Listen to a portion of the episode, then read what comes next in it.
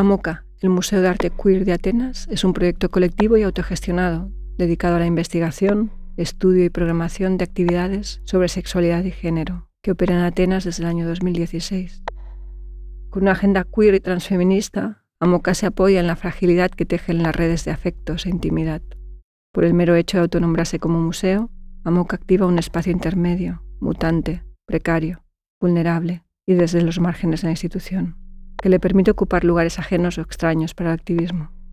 Un museo que no es museo y un archivo queer sin medios para archivar, que actúan en el contexto de la crisis financiera griega. En este podcast, María F. Dolores, artista visual, performer y cofundadora de Amoca, nos habla sobre brujas y aquelarres, conocimientos corporales y teóricos, precariedad, archivar sin recursos, operar en colectivo, inclusión y antagonismo, herramientas de supervivencia, grietas en el sistema, sentimientos encontrados, derivas y recorridos disidentes, y sobre la necesidad de buscar complicidades en el sur. Nuestra conversación se interrumpe y complementa con el texto que la propia María propuso para la dinámica colectiva en el taller Autogestión Cerda, en el mapa.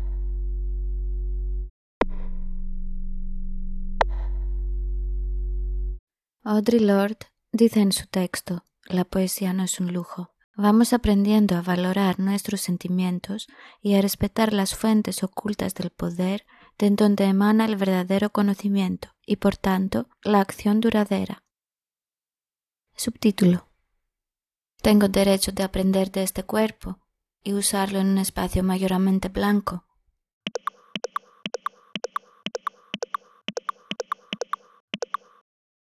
¿Qué significa una autogestión queer? Pues no lo sé, no lo sé muy bien. O sea, yo estuve participando en diferentes eh, autogestiones cuando era más joven que no eran queer y no eran feministas. Eh, y claro, sí que son diferentes, sí que son diferentes porque las cuestiones son diferentes y la manera de con la cual nos posicionamos frente a lo que nos rodea es súper distinta. Entonces, a través de las diferentes preguntas que se generan, eh, también se generan diferentes movimientos y diferente tipo de relaciones entre nosotros, porque hablamos de otro tipo de aproximarse al otro, de otro tipo de escuchar, de entender, de cuidar. Pero todo esto son devenires, son sitios que mm, queremos ir hacia, hacia ellos. No significa que la autogestión queer es un espacio seguro.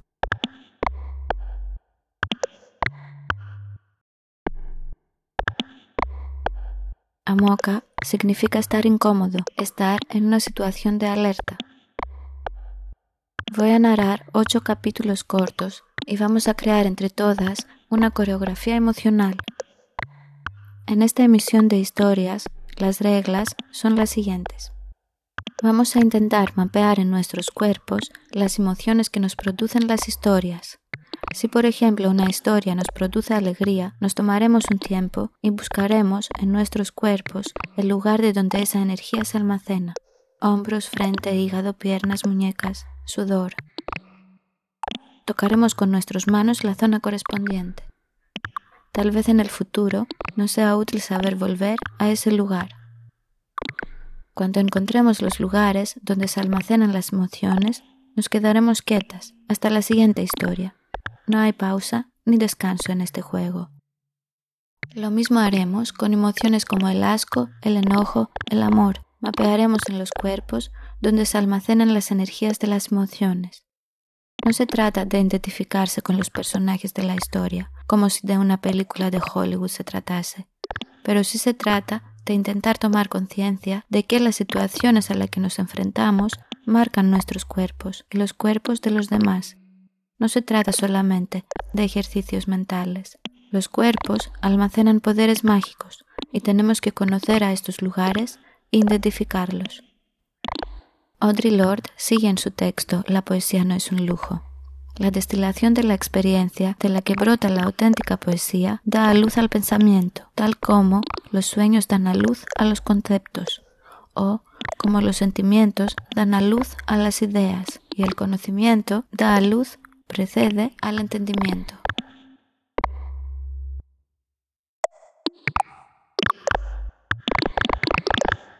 Yo estuve viviendo en, Barcelona desde el 2004 hasta el 2011.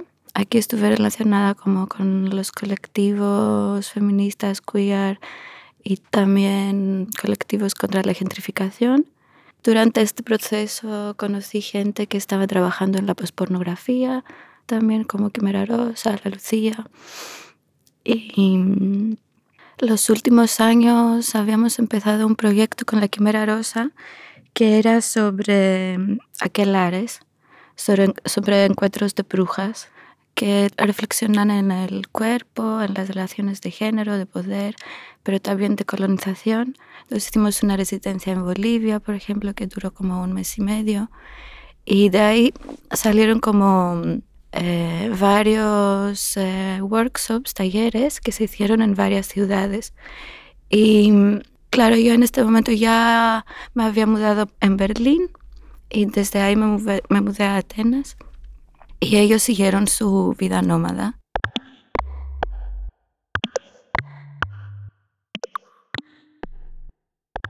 Capítulo 1. Creas un estatuto para tu asociación con la ayuda de un abogado anarquista te cuesta 350 euros.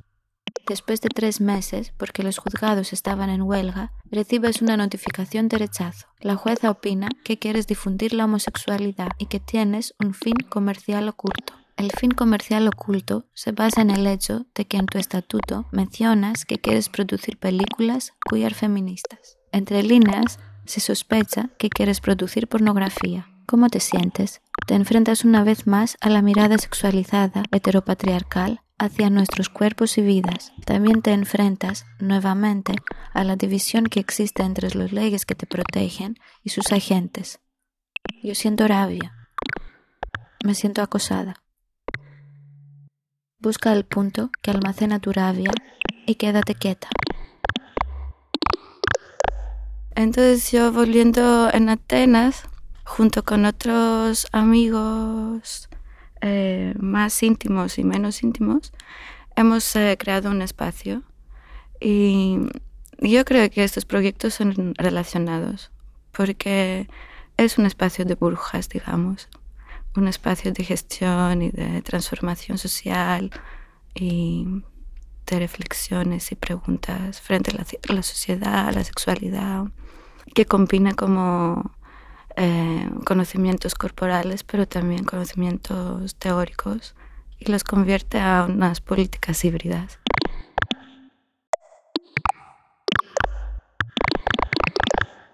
Capítulo 2. No tienes trabajo y tampoco energía para trabajo voluntario y políticas queer. Tienes que pensar en tu propio futuro. Te deprimes y piensas dejar el colectivo. Tal vez te mudes a Berlín Después de la beca, solo las privilegiadas tienen tiempo libre para dedicarse al activismo y al arte queer de manera voluntaria. Pierdes compañeras. Quieres leer el texto de Hans Vetkovich, Depression, a Public Feeling, pero no tienes ganas de esforzarte para nada. ¿En qué parte de tu cuerpo está la depresión? Vete desde la rabia a la depresión. Quédate ahí Yo estuve viviendo lejos de Grecia como más que 12 años. Entonces llegó el momento de volver. Llegué en una Grecia que estaba como en el medio de la crisis, digamos. Entonces, claro, en Atenas no habían espacios de encuentro, no habían espacios eh, queer feministas, o, eran muy pocos. Eh, justo se estaba cerrando, 2015 ahora, ¿no? Como se estaba cerrando el centro feminista porque la gente no podía pagar el alquiler, la gente joven volvía a vivir en las casas de sus padres, como era un momento un poco difícil. Entonces, como entre amigos que estamos trabajando en el ámbito de arte o en el ámbito de la academia o que simplemente en el activismo queer, eh, nos vino la idea que sería muy bueno poder tener un espacio que podíamos compartir con otros colectivos y que también podía ser un espacio donde nosotros mismos podíamos trabajar nuestros proyectos. ¿no? Entonces era como una idea de, de llenar un vacío y compartirlo. Entonces no era la propuesta de hacer como un proyecto político, sino un proyecto que pareciera más a una plataforma. Y claro, una primera encuesta nadie tenía ni tiempo ni dinero, y menos la gente que vivía en Atenas, ¿no? Entonces, un año después de la primera idea, eh, un amigo de un amigo que lo estábamos pensando juntos me envió una convocatoria, una convocatoria que era una convocatoria alemana, un grant eh, para para empezar un proyecto de gestión cultural, se llamaba. Era dedicado a gestores culturales. Yo no era una gestora cultural, pero era la persona que tenía tiempo y disponibilidad para aplicar en, la, en esta subvención. Y claro, cuando uno se... Depende a dónde te diriges, em, adaptas otra performance entonces, como la idea de Athens Museum of Queer Arts de Amoca era un nombre que se dirigía a, una beca. Y como, claro, era relacionado también con la idea de que muchos de nosotros trabajábamos en el ámbito de arte, entonces, claro, nos interesaban los museos y todo eso, pero también era un troll. Era como, bueno, ¿qué quieres escuchar para que te convenzas? Pues mira, eso suena súper interesante, súper megalómano y vende. Entonces lo que vamos a hacer, vendernos a esto.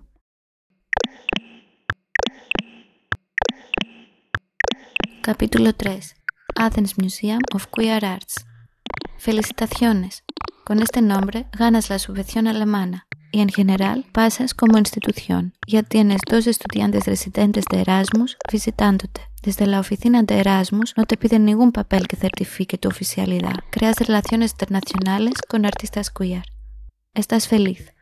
Investigas y piensas en colectivo sobre el concepto del museo y su historia. Te pones las gafas anticoloniales. Encuentras palabras como freak show y supremacía racial encuentras también la imagen de Sarah Bartman con el nombre artístico La Venus Otentote.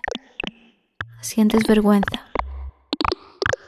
Pues entonces hemos conseguido la beca y la beca duraba cinco meses.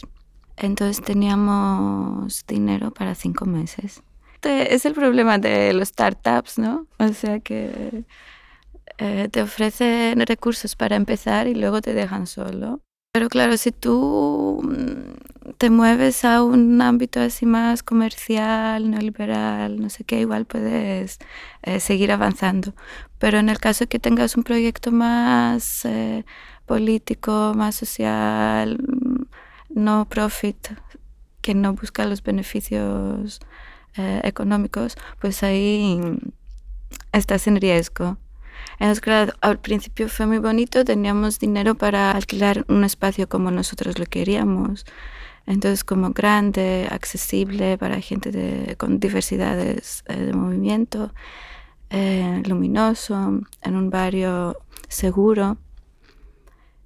Y también teníamos la posibilidad de, dar trabajo a nuestros amigos, de invitar gente que nos interesa, de hacer una curaduría de cinco meses eh, de cosas que nos parecían urgentes.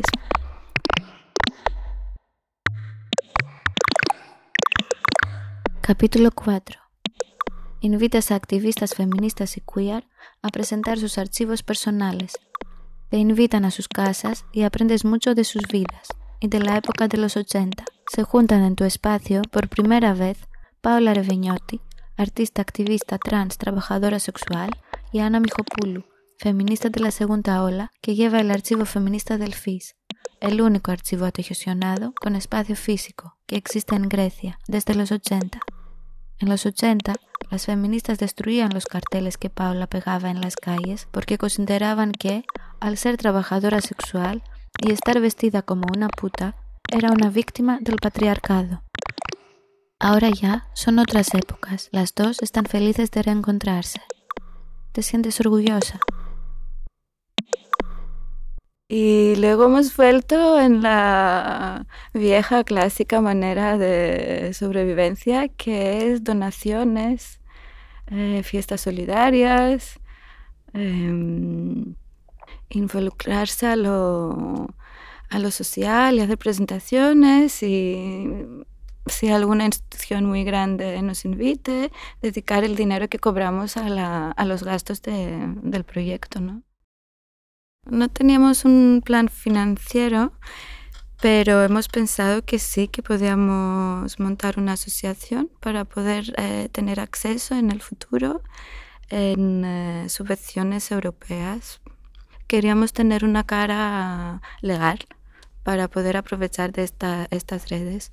Y eh, nos hemos enfrentado con una burocracia enorme en una Grecia en también en crisis, con huelgas, que todo va más lento. Claro, no es gratis tampoco montar una asociación. Necesitas un abogado, necesitas crear estatutos, pagar varias cosas, bla, bla. Y hemos llegado a, crear un estatuto, a encontrar eh, miembros, a todo. Y claro, luego nos llegó una, la decisión y la decisión era negativa. Y las eh, razones de la, de la negación era que, mm, que no, porque hay sospecha que queremos promover la homosexualidad y también que hay sospecha que tenemos fines comerciales ocultos. Claro, fue un choque. Nadie lo esperaba porque hablamos de... Eh, en Grecia la homosexualidad es legal. O sea, la, la misma temporada se estaba como... Mm, eh, se estaba aprobando en el Parlamento la unión civil entre homosexuales, o sea que era como venía de otro mundo.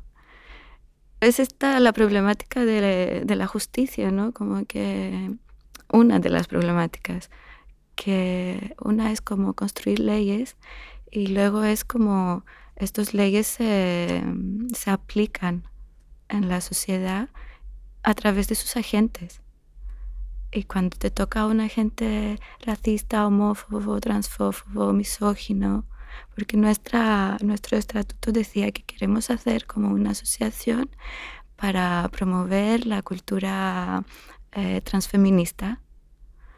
Y a la persona que le tocó leer esta, este estatuto le pareció que esta era una propuesta contra la moral. Entonces sí que nos rechazaron. Y claro, luego teníamos dos opciones o, tres. Dejar de todo al lado la propuesta de legalizarse, decir, bueno, esto no es para nosotras. Eh, recurrir, era un proceso que valía más dinero y teníamos que esperar un año. O intentar ah, presentar los papeles otra vez, los mismos papeles, y esperar que que caigan en las manos de otra jueza. Y así pasó. Entonces, ahora sí que somos una asociación, pero fue una aventura. Pero fue una aventura también que, era, que fue interesante porque, mm, claro, a través de ella se solidarizó mucha gente con nosotras. Y mm, fue también como una, una alarma Um, puso en la mesa algo que está ahí, la distancia entre lo que está pasando y lo que uno pretende ser, ¿no? O sea, pretende ser una sociedad abierta, democrática, anti, anti, anti racista, anti homófoba, que le interesa la igualdad de géneros y bla, bla, bla. Y al final al final no. O sea, no es una sociedad que puede sostener eh, estos valores.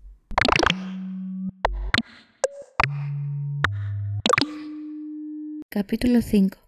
Todavía no has encontrado un espacio seguro para Amoca.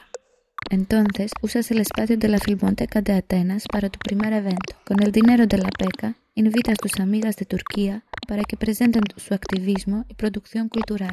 El evento está dedicado a tu amigo Boysan, que murió cuatro meses antes en un accidente de coche. No, no todos morimos por ataques fascistas, misóginos o transhomófobos. Sema, la madre de Boysan, es parte del colectivo Padres Orgullosos de Estambul, colectivo que se fundó con la colaboración de hijos e hijas queers y sus familias, que quisieron apoyarles. La presentación de la madre de Boysan, antes del inicio del documental, es emocionante. El anfiteatro está petado de gente que se pone a llorar el evento inspira a padres con hijas e hijos queers a formar un colectivo igual en Atenas. El grupo empieza a reunirse en tu espacio. ¿Estás feliz? Estamos, bueno, estamos en contacto con, con todos los colectivos que podamos, eh, que trabajan con cuestiones queer, y feministas em, en Atenas y en otras ciudades también. Pero claro, Amoca está como en, en una situación que está en una zona gris, que no, no se interpreta ni como un colectivo radical, autónomo, ni se interpreta como una institución.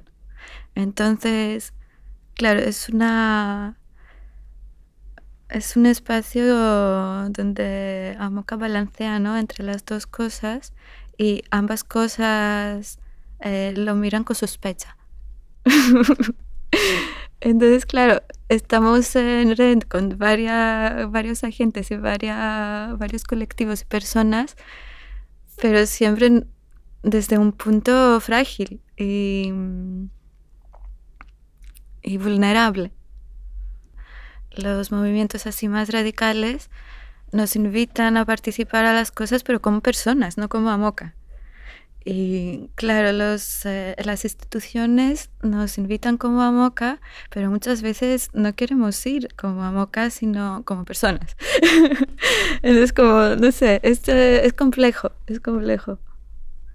Nuestras redes son, son frágiles, pero y siempre pasan de nuestras eh, de nosotros mismos como personas como yo María Dolores y mis redes personales que sostienen la moca a través de lo personal o no sé Johnny Holly bla y sus redes personales que también sostienen la moca Capítulo 6. Después de numerosas huelgas en todos los sectores, de las revueltas en las plazas y de una crisis financiera que lleva ya años, en la votación sale como primer partido Siriza. Incluso tú, que no crees en la democracia como sistema político adecuado, fuiste a votar por primera vez en tu vida por miedo a que ganase la ultraderecha. Habríais estado más tranquilas si no fuera por la coalición con el Partido Nacionalista de Derechas, ANEL, y si no estuviera ya en el Parlamento como tercera fuerza, la ultraderecha de Amanecer Dorado. ¿Tienes miedo? Y lo que nosotros queríamos hacer era una cosa muy híbrida, que se componía de un archivo queer feminista, porque tampoco hay. Hay pequeños archivos que están en las casas particulares de la gente, hay archivos nuestros que al final se, se tiran en la basura entre mudanzas. Y en Grecia hay solamente un archivo feminista que lleva desde los 80, que ahora mismo lo tiene una mujer que, y es un espacio privado. Entonces tienes que tener como una cita con ella para ir a visitarlo. Entonces, claro, a nosotras nos interesaba poder eh, volver a mapear lo que había pasado, pero también lo que estamos viviendo en este momento, de otra manera, no de una manera de coleccionar materiales, sino de producir eh, un archivo más vivo. Y también como cuestionar qué son los materiales que entran en un museo también. Pero de hecho nunca hemos eh, conversado entre nosotras qué es el museo y por qué museo. Fue como muy espontáneo y muy, mm, no sé, eh, casi de, casi de broma. Y el archivo es un archivo que se va construyendo a través de las cosas que se están haciendo en el momento y también es un pequeño, en el momento, archivo material eh, de documentación que vamos agrupando, pero como estamos en, una, en un estado de precariedad, porque no sabemos para cuánto tiempo vamos a poder estar y vamos a tener eh, el tiempo y el dinero para, eh, que, para mantener el espacio, tampoco podemos crear un archivo material, ¿no? O sea, claro, al principio cuando habíamos empezado a hacer eh, em, eventos que estaban dedicados al archivo queer y hemos invitado gente que nos hable de sus archivos y, sus historias, eh, la gente propuso eh, darnos sus materiales. Pero esto es una responsabilidad muy grande y también un trabajo enorme de hacer categorías, de seleccionar, y no lo podíamos hacer. O sea, no podíamos tomar esta responsabilidad. Porque ¿qué vamos a hacer si en un año a partir de ahora ya no existimos? ¿Qué vamos a hacer con este material? Va a volver a estar en nuestros almacenes, casas, debajo de nuestras camas y va a volver a estar en los espacios em, privados. Entonces como está está como en suspensión. Seguro que es un gesto precario, pero desde luego los archivos sí que son problemáticos de alguna manera, ¿no? Porque mm, los archivos tal como los conocemos normalmente son espacios que están un poco muertos. Están dirigidos a algunos investigadores que igual pasan por allí una vez de, de cuando y los reactivan y luego los duermen otra vez.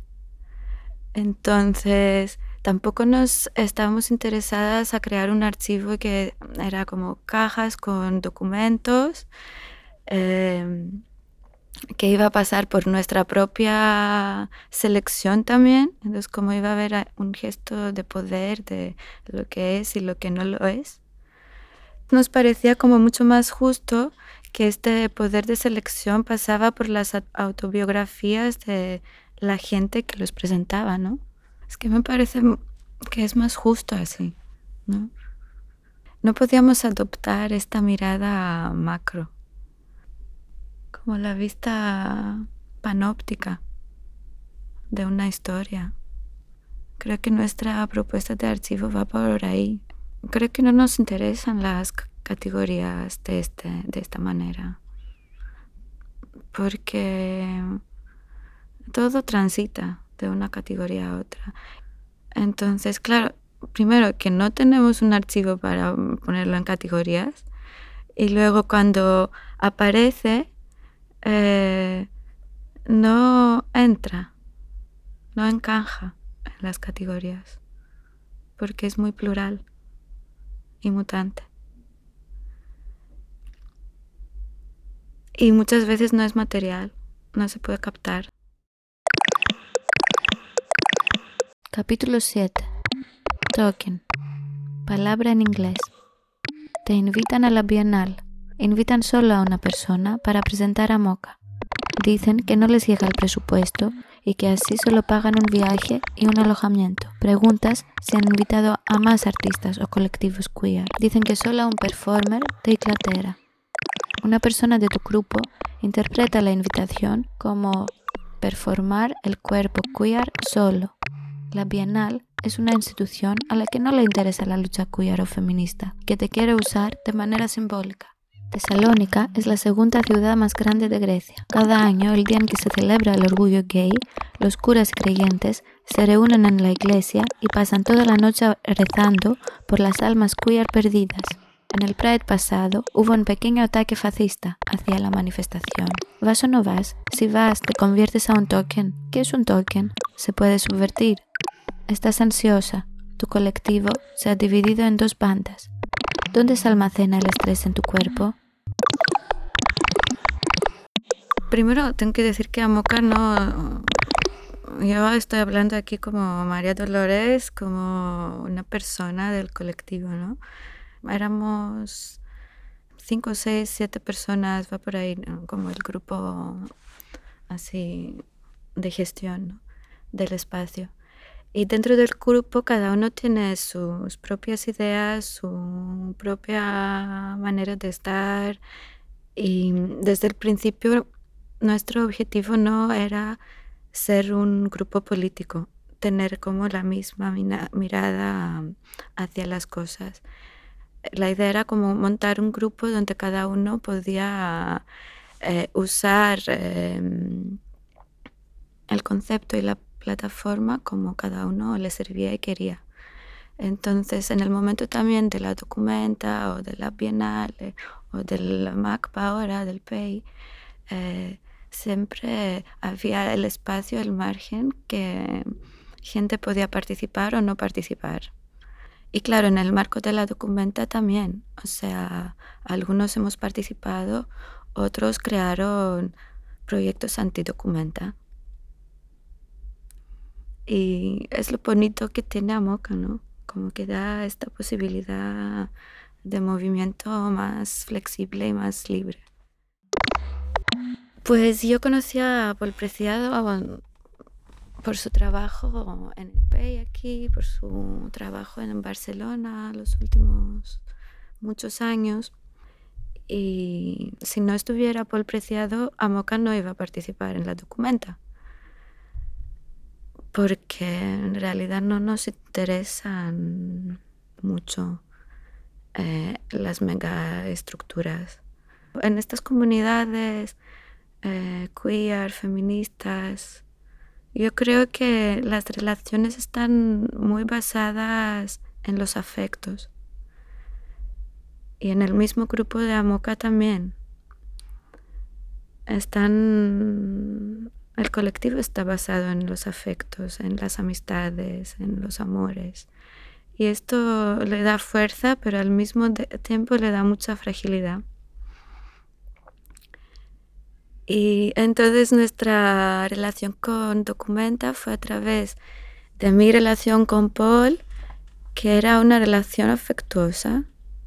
Entonces, claro, a mí me gusta mucho el trabajo de Paul y me gustan mucho sus libros y me parecía muy interesante que estaba en, en Atenas una persona trans, un hombre trans que tenía como una um, imagen pública. Yo no conozco otra persona pública en Atenas eh, que salga como hombre trans. Entonces, como de primera, esto me parecía un gesto político súper importante.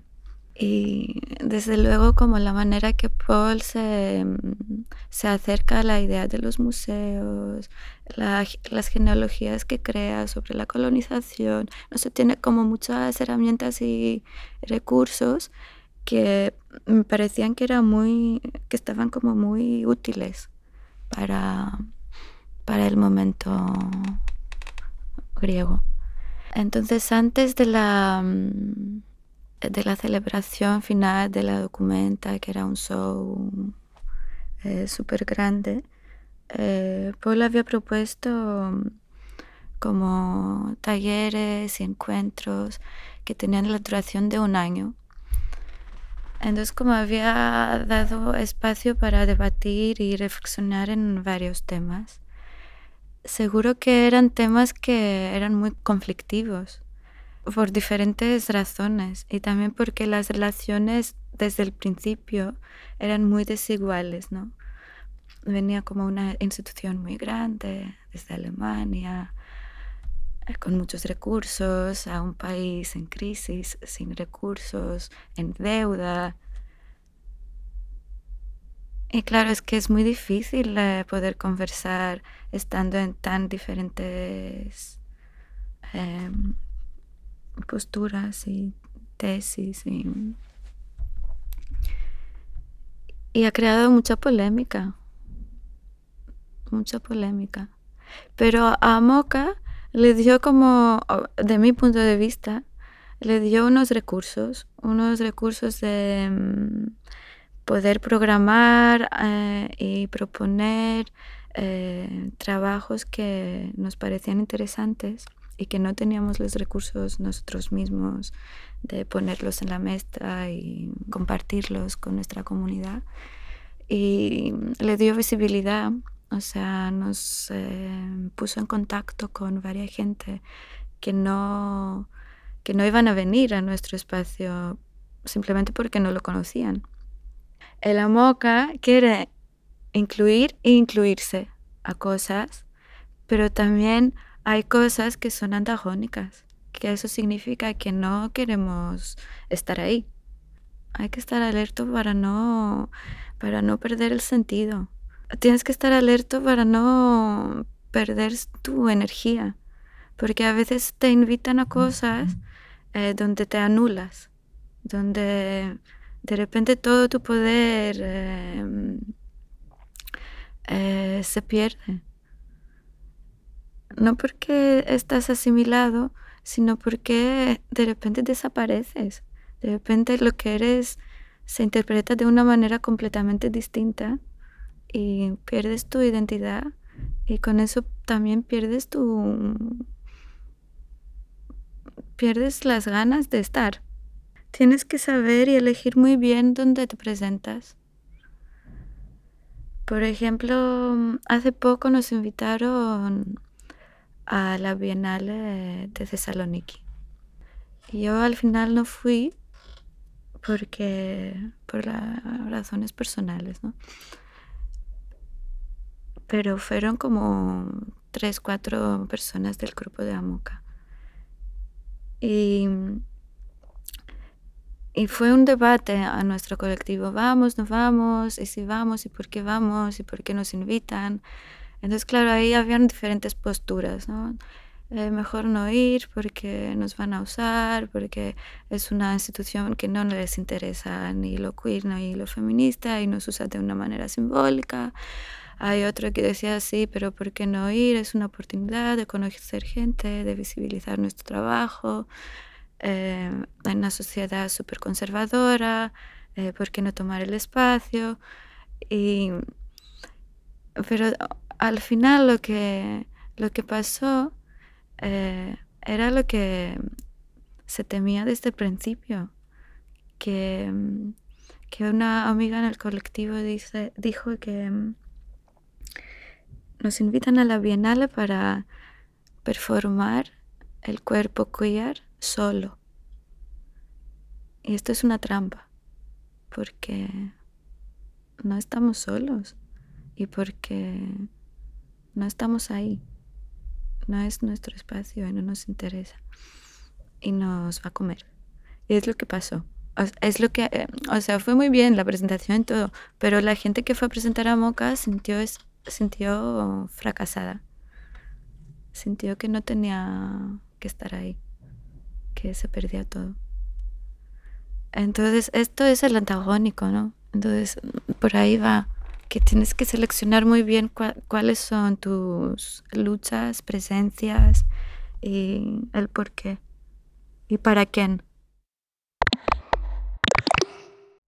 A mí personalmente, o sea, no veo ningún queer mainstream en Atenas que está poniendo en riesgo nuestras políticas radicales. No me sirve a mí personalmente hacer este tipo de separación de bipolar, mainstream radical, porque en lo que llamamos mainstream también puedo detectar eh, momentos de resistencia.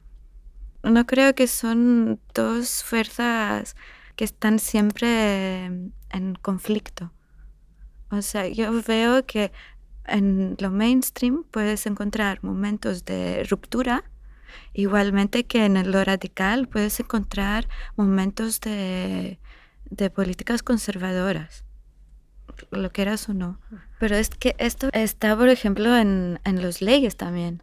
Vamos a salir en la calle para luchar para que las, las parejas homosexuales o queer eh, puedan adoptar niños. Sí, vamos a salir a la calle, pero eso no significa que en el mismo momento no vamos a cuestionar la familia em, eh, basada en valores heteropatriarcales.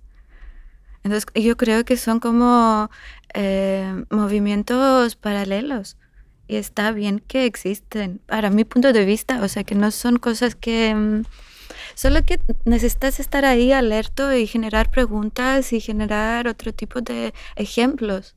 Pero esto no significa que no vas a apoyar eh, los que se podía llamar mainstream, que podía ser, sí, mi derecho a matrimonio o mi derecho a, a poder cambiar mi identidad de género, a mis papeles, porque vivimos con esos papeles. ¿Qué podemos hacer?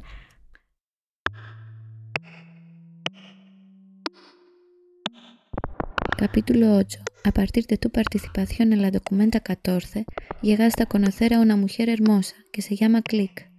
Click es de Zimbabue, vive en Atenas desde hace más de 29 años y sigue sin papeles. Trabaja tejiendo muñecos y Rob Click, en su juventud, combatió por la independencia de Zimbabue de los ingleses. Ha protagonizado una película que se titula Flame y que se puede ver en línea. Durante un taller en Amoca, impartido por Angela Melitopoulos y Paula Cobo Guevara, titulado Crossing Inside Lands, donde también se trabaja con las emociones y las geografías, en su paso de la rabia a la felicidad, Click dice, I have killed a lot of whites. He matado a muchos blancos. Traspasa tu cuerpo un escalofriante miedo que enseguida se transforma en fuerza.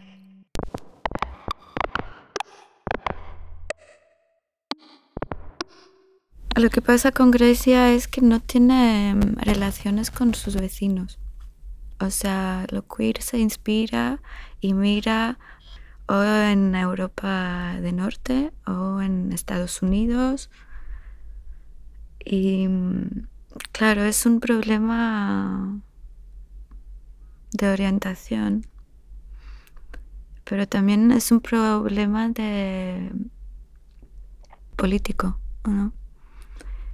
Y también es un problema de idiomas. Sería mucho muy interesante poder eh, crear como puentes y redes con países vecinos que igual compartes más cosas en común que con realidades que tienen ejes mucho más distintos y diferentes de los tuyos.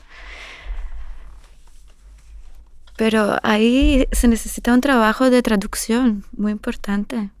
Por ejemplo, cuando empezamos con el AMOCA, eh, hemos empezado invitando gente de Turquía, porque estamos muy cerca, pero también hay una sensación que estamos súper lejos. Y no es verdad. No fue la primera vez que mm, el movimiento queer de Atenas tenía relaciones con el movimiento queer feminista de Turquía. Y lo que es importante y lo que mm, es bonito es que puedes ver en estos momentos que se comparten cuestiones y experiencias de una manera mucho más eh, cercana, porque las realidades son mucho más cercanas, como el modo de vivir, eh, las cuestiones de, clase, eh, el tema de religión. Lo único es que es eso, como que no, no tenemos los, el idioma no podemos hablar entre nosotros porque no todo el mundo habla inglés y no, no hay traducciones. Solo se, se pasa a través de, de redes íntimos, que yo conocí la persona tal, entonces a partir de ahí vamos a crear una dinámica para conocernos mejor. Pero cuando uno eh, quiere investigar y quiere empezar desde el cero, ahí hace falta trabajos de traducción. Y, muchas veces para hacer estos trabajos de traducción necesitas recursos y dinero para poder subtitular, para poder eh, traducir libros o textos y para poder traer una persona y que te explique. El idioma es muy importante.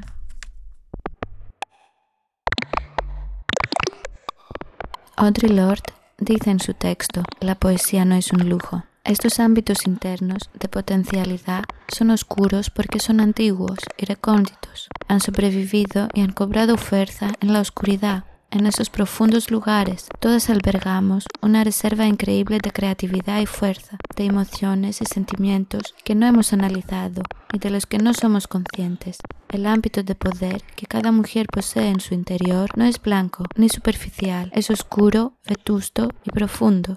Para las mujeres, la poesía no es un lujo, es una necesidad vital.